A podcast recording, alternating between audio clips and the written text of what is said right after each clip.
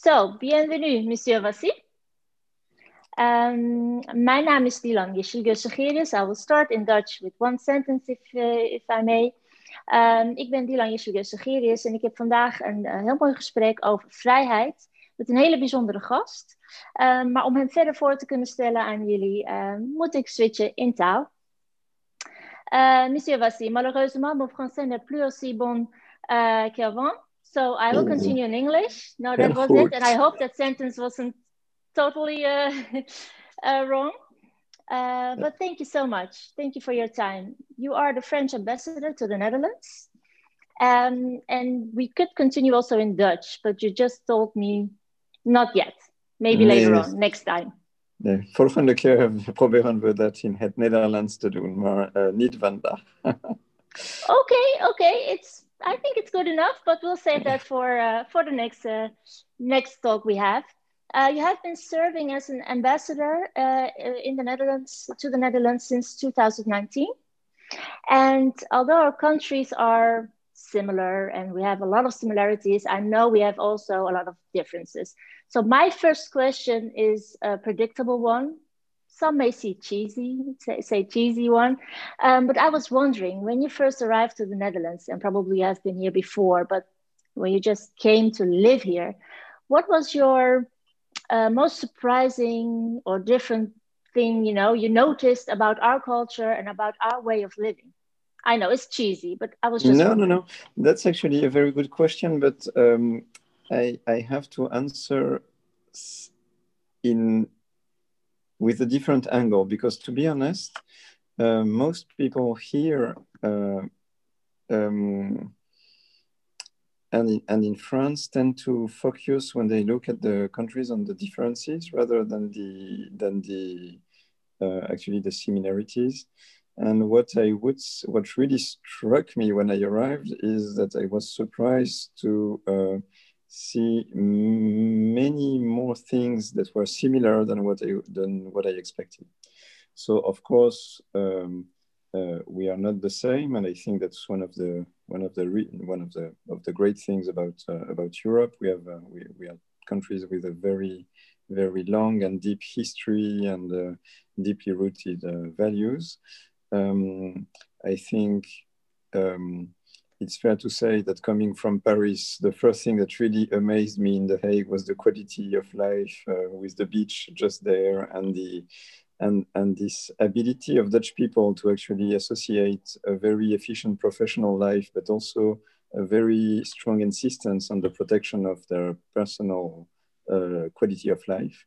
Um, and, uh, uh, which creates, I think, a very um, a very positive uh, mix uh, for the for the for for many people in these countries in, in this country, including French people that come uh, that come here. I have uh, around uh, twenty five thousand. Uh, French citizens living in the Netherlands, and uh, I have to say that uh, they actually um, integrate very quickly and, and, and love very much living in this country because I think, because of course of the opportunities that they find here, but also this, this balance they find between uh, professional uh, endeavors uh, and and the quality of their of their daily life.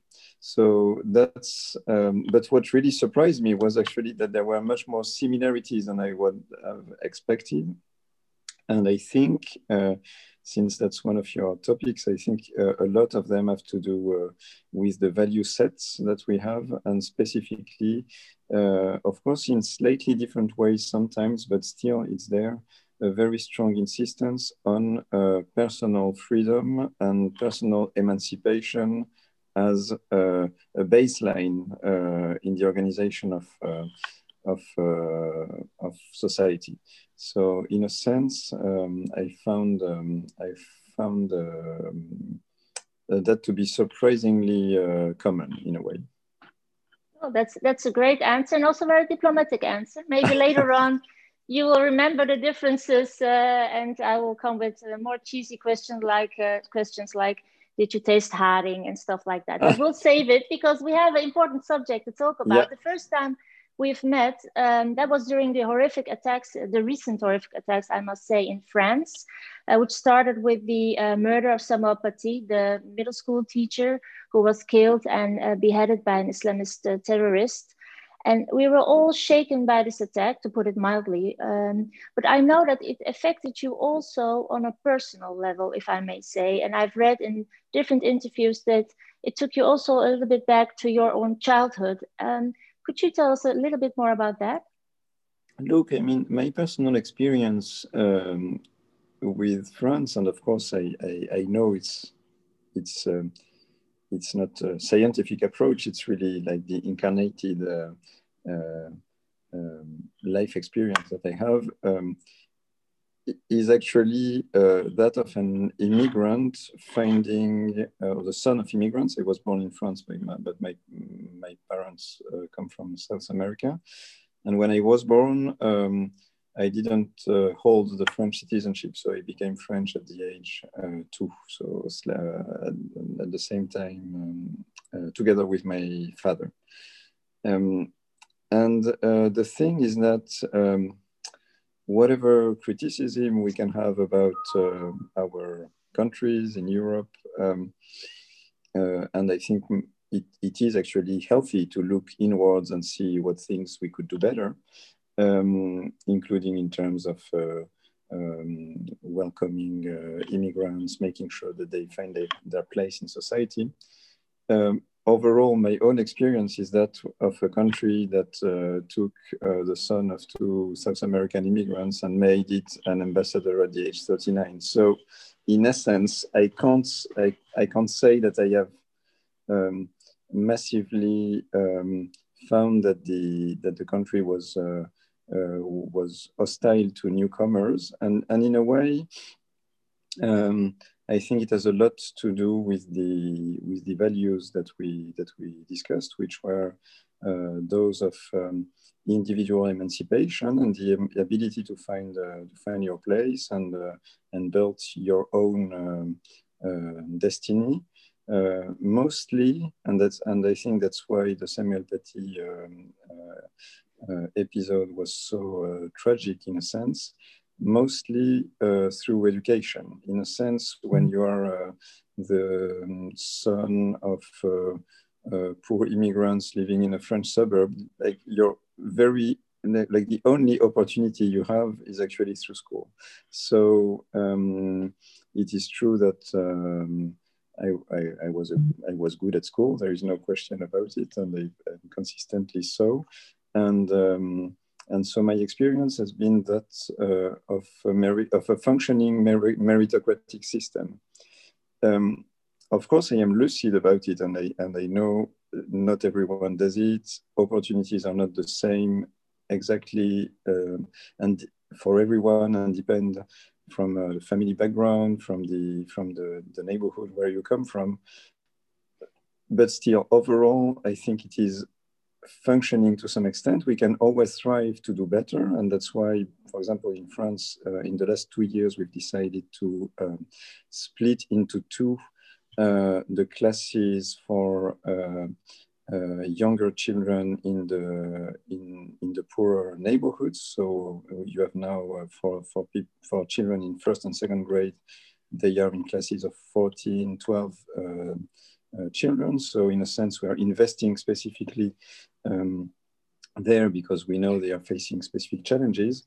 Um, but these are modalities to organize your meritocratic system uh, and not uh, contesting it. And that's uh, something that I, that I, that I, that is deeply in me. And of course, an attack on a school uh, represents an attack on this ability to uh, be together, to um, uh, find your own place through uh, knowledge, education. And so that's why the, the attack on Samuel Paty uh, shook France so much and be, beyond France, I have to say, in many other countries, including in the Netherlands, because it's really the attack on the school and so the attack on the on the ability to, to decide through education what you will become and on your freedom to, to build yourself in a way. Um, and, um, and that's why it was indeed a bit personal. Yes, yes, and I think it made um, uh, well, well, I think you reached lots of people by making it so personal as well. Uh, so it was a very profound uh, message.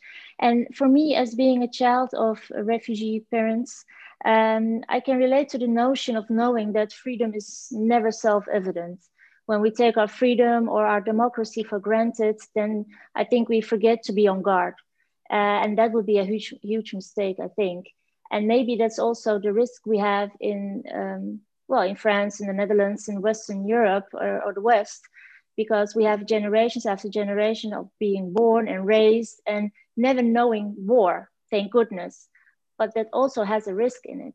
If you don't know war, if you don't know um, terrible circumstances where your freedom is gone, then maybe you find it, you take it for granted. And then uh, when it's being attacked, um, it might take a while before you realize that it's being attacked. You know, it's step by step you are delivered, you are giving away your freedom. Because um, I wanted to go to the French tradition of secularism, which is very strong, and uh, which means there's a strict separation between uh, church and state. Uh, could you could you tell us what it means in France? Yeah. You know, and, and in real life, where do you see this, yeah. and what does it mean for the French people? Yeah, I think it is fair to say that it is a particular um, uh, construct uh, from an historical and even philosophical standpoint. Um, but it's also fair to say that it's not as uh, aggressive as what people say. Basically, what laïcité is, uh, it's first of all, of course, uh, the freedom of uh, religion. I mean, that's the, the baseline, and it's of course guaranteed in um, the, the, Declaration for Human Rights, uh, the French Declaration for Human Rights.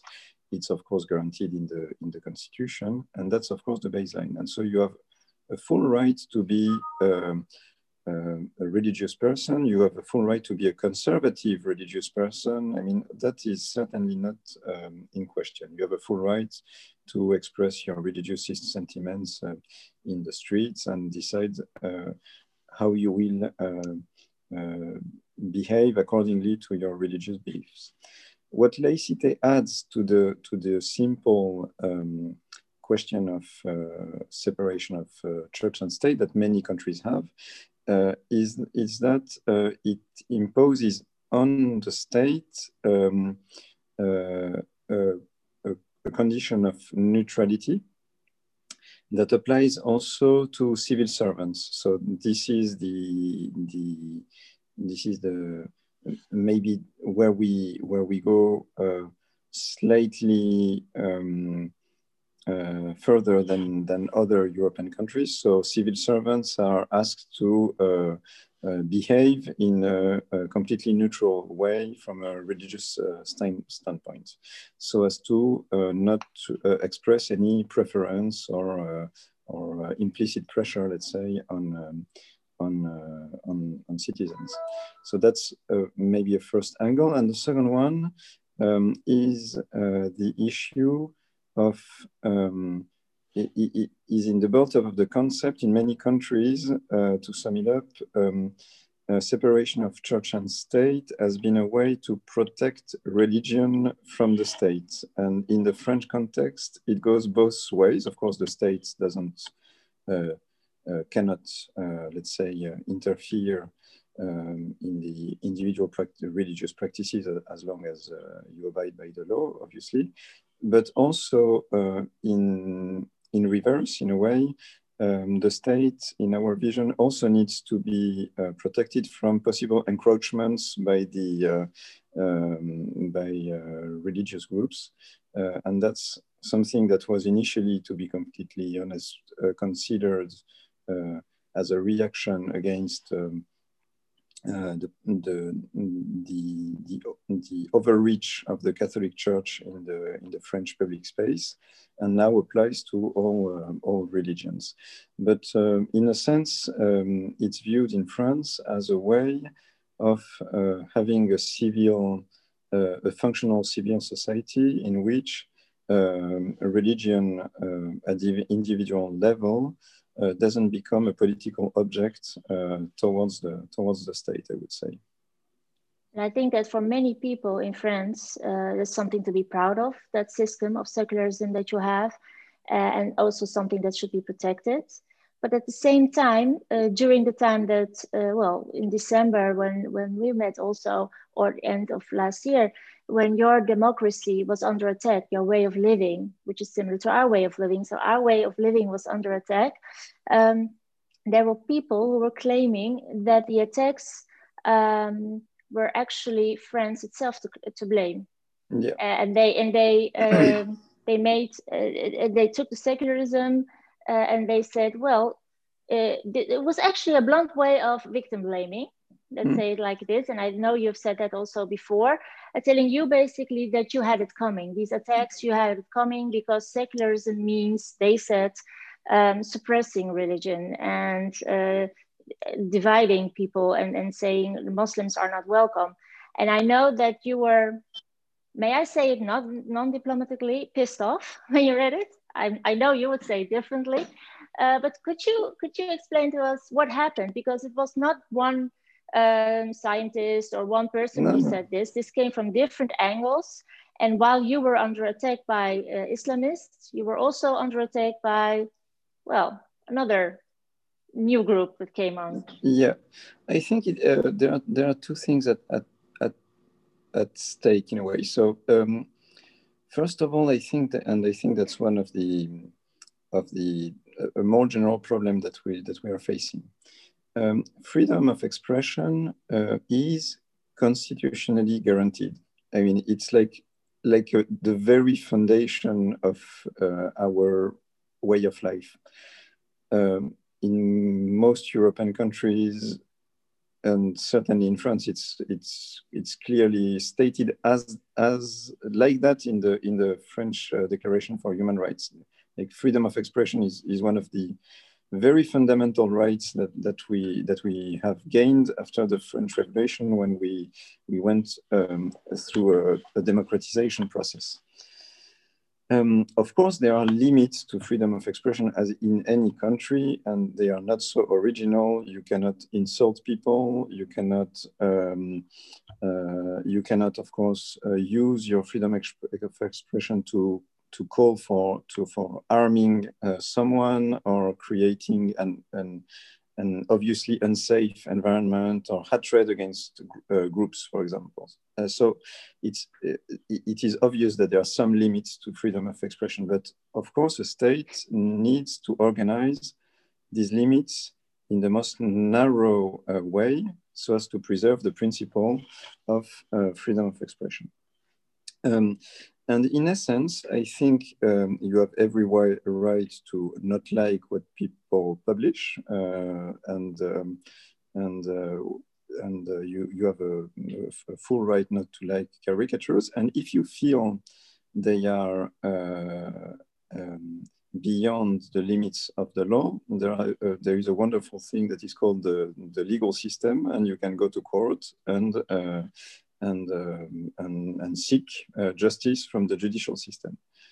So after all, you can challenge the way we define freedom of expression in a, in a, in a legal way. So I think what is really surprising in, in, in, the, in the tendency you describe in which people um, end up uh, um, under uh, uh, establishing again a kind of responsibility of the of the French institutions in the attacks is that first of all, in a sense, they undermine the principle. It, it, it means that they don't find the principle of freedom of expression so important, or then they say, yes, of course, there is freedom of expression, but, and as you know, nothing before the but matters.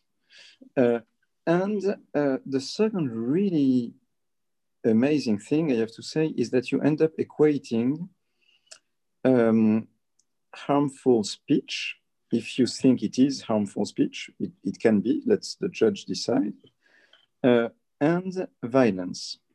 And I think that's a tendency we see more and more when people tend to equate violent speech and violent actions. And the thing is that uh, they are from two uh, different worlds in a way. And by blurring this uh, line, um, by saying that uh, violent uh, or, or, or what you deem violent or offensive um, creates a, a, kind of right to react violently, um, you in fact are blur blurring the lines of um, that hold the society together. I mean, physical violence should be always inadmissible, and that's the, that's the baseline.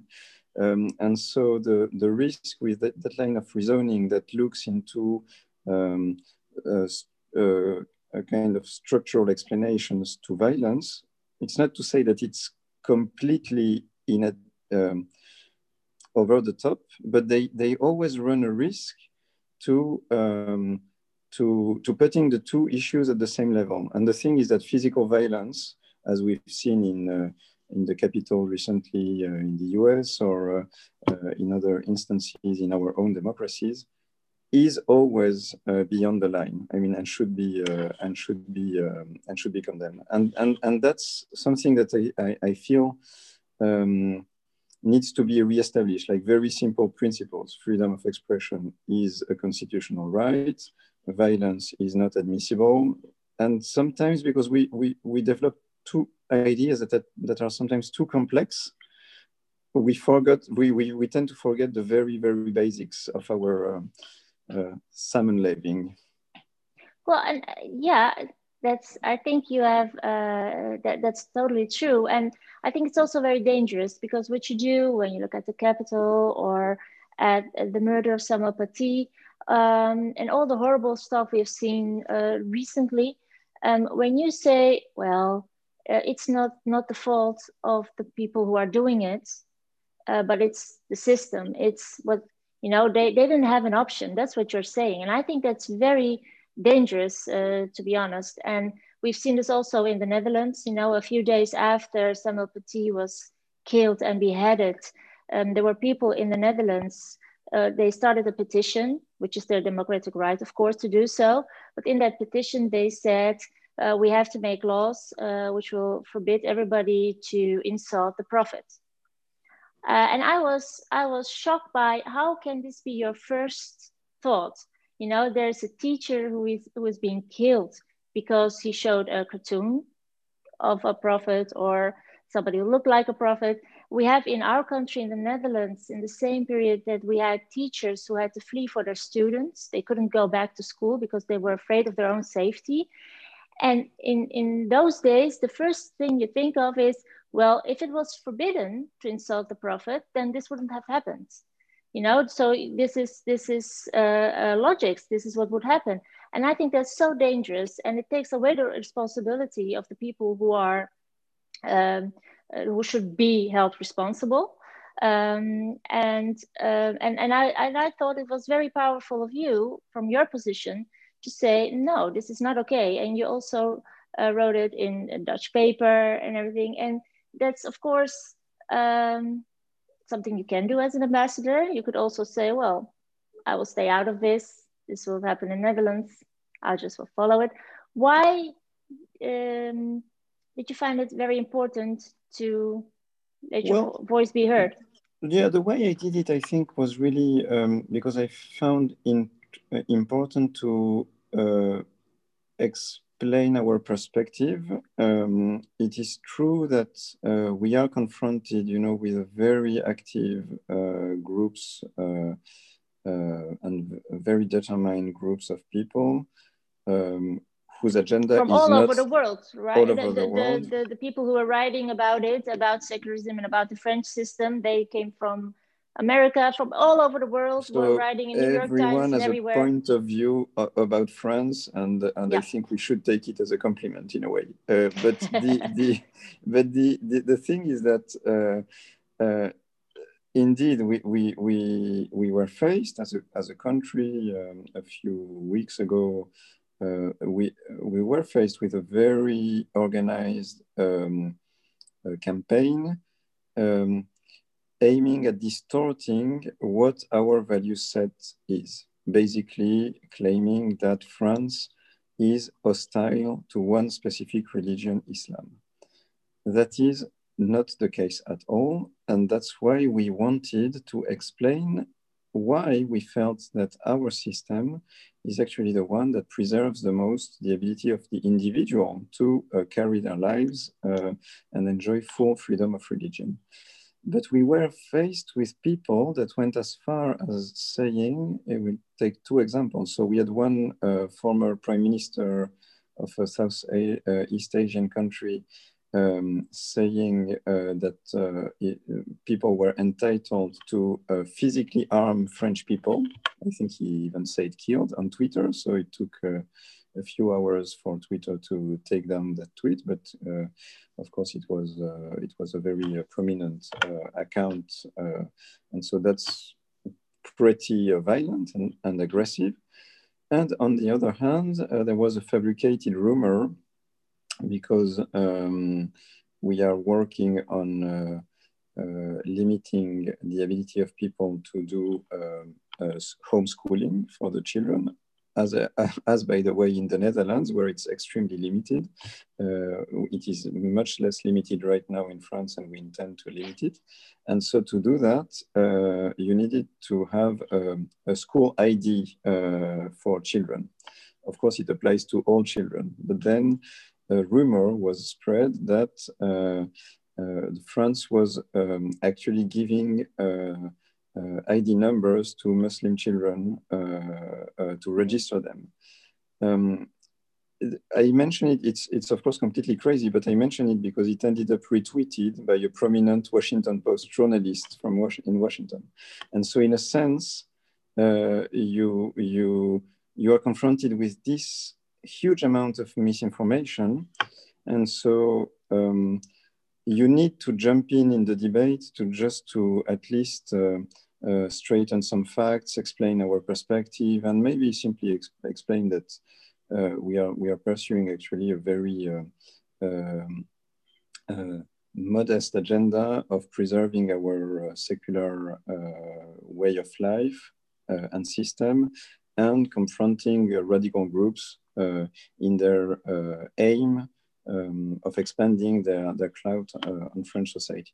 So all that is is is pretty um, is extremely moderate and pretty modest actually and and the but the the backlash uh, was was very strong um, of course it aims at uh, at uh, displacing the debate or moving it to other issues um, and, and then indeed, as you say, you have two possibilities, either let things go or, uh, or, or intervene. It's a balance of the two, of course, because sometimes you don't want to give too much importance of, to people that, that are really saying crazy things.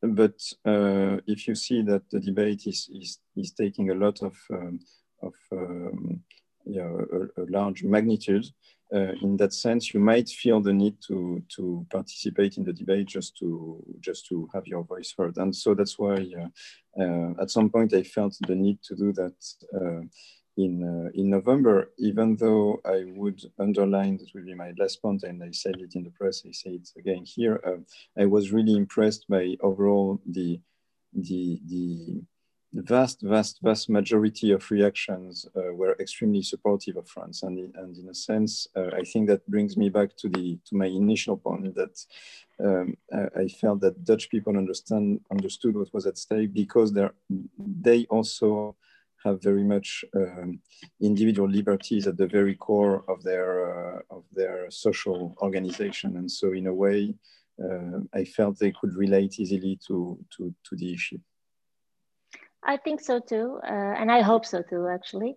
Um, so, what do you think that our countries can learn from each other on this subject uh, these coming so, months, um, especially because you are developing? I'm, I'm sorry, uh, you're developing, I, I, believe, new rules and laws, and yeah. um, so what can we learn from each other to tackle this uh, uh, uh, scary and horrific attacks and Islamic terrorists?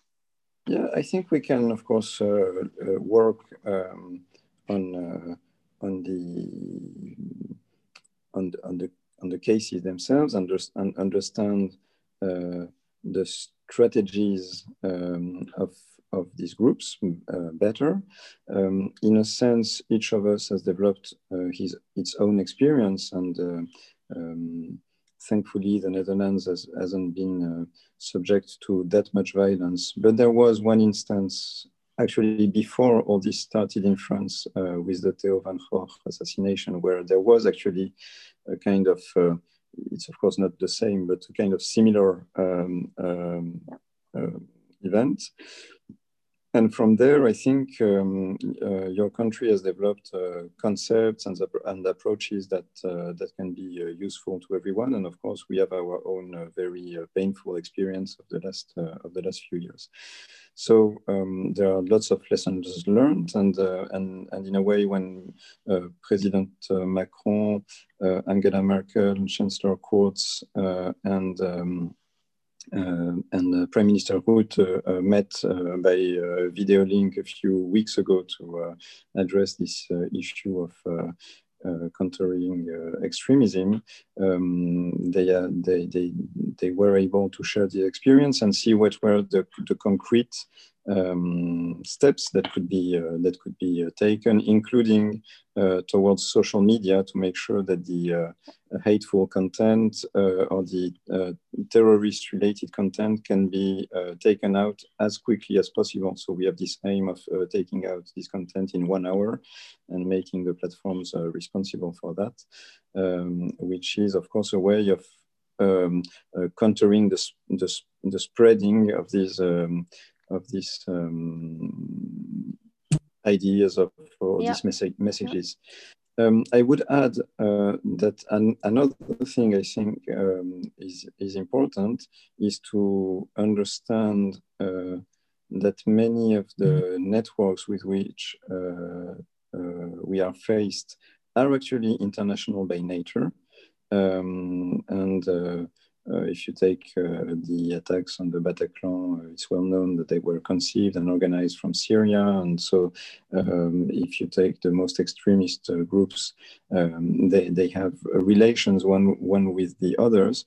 But on the other hand, um, this counter discourse simply reminding the importance of, of, of individual freedoms uh, for our societies, um, is dealt with at uh, the national level, uh, as I see it, um, and not so much coordinated between Europeans. And the thing is that it is actually a core European value.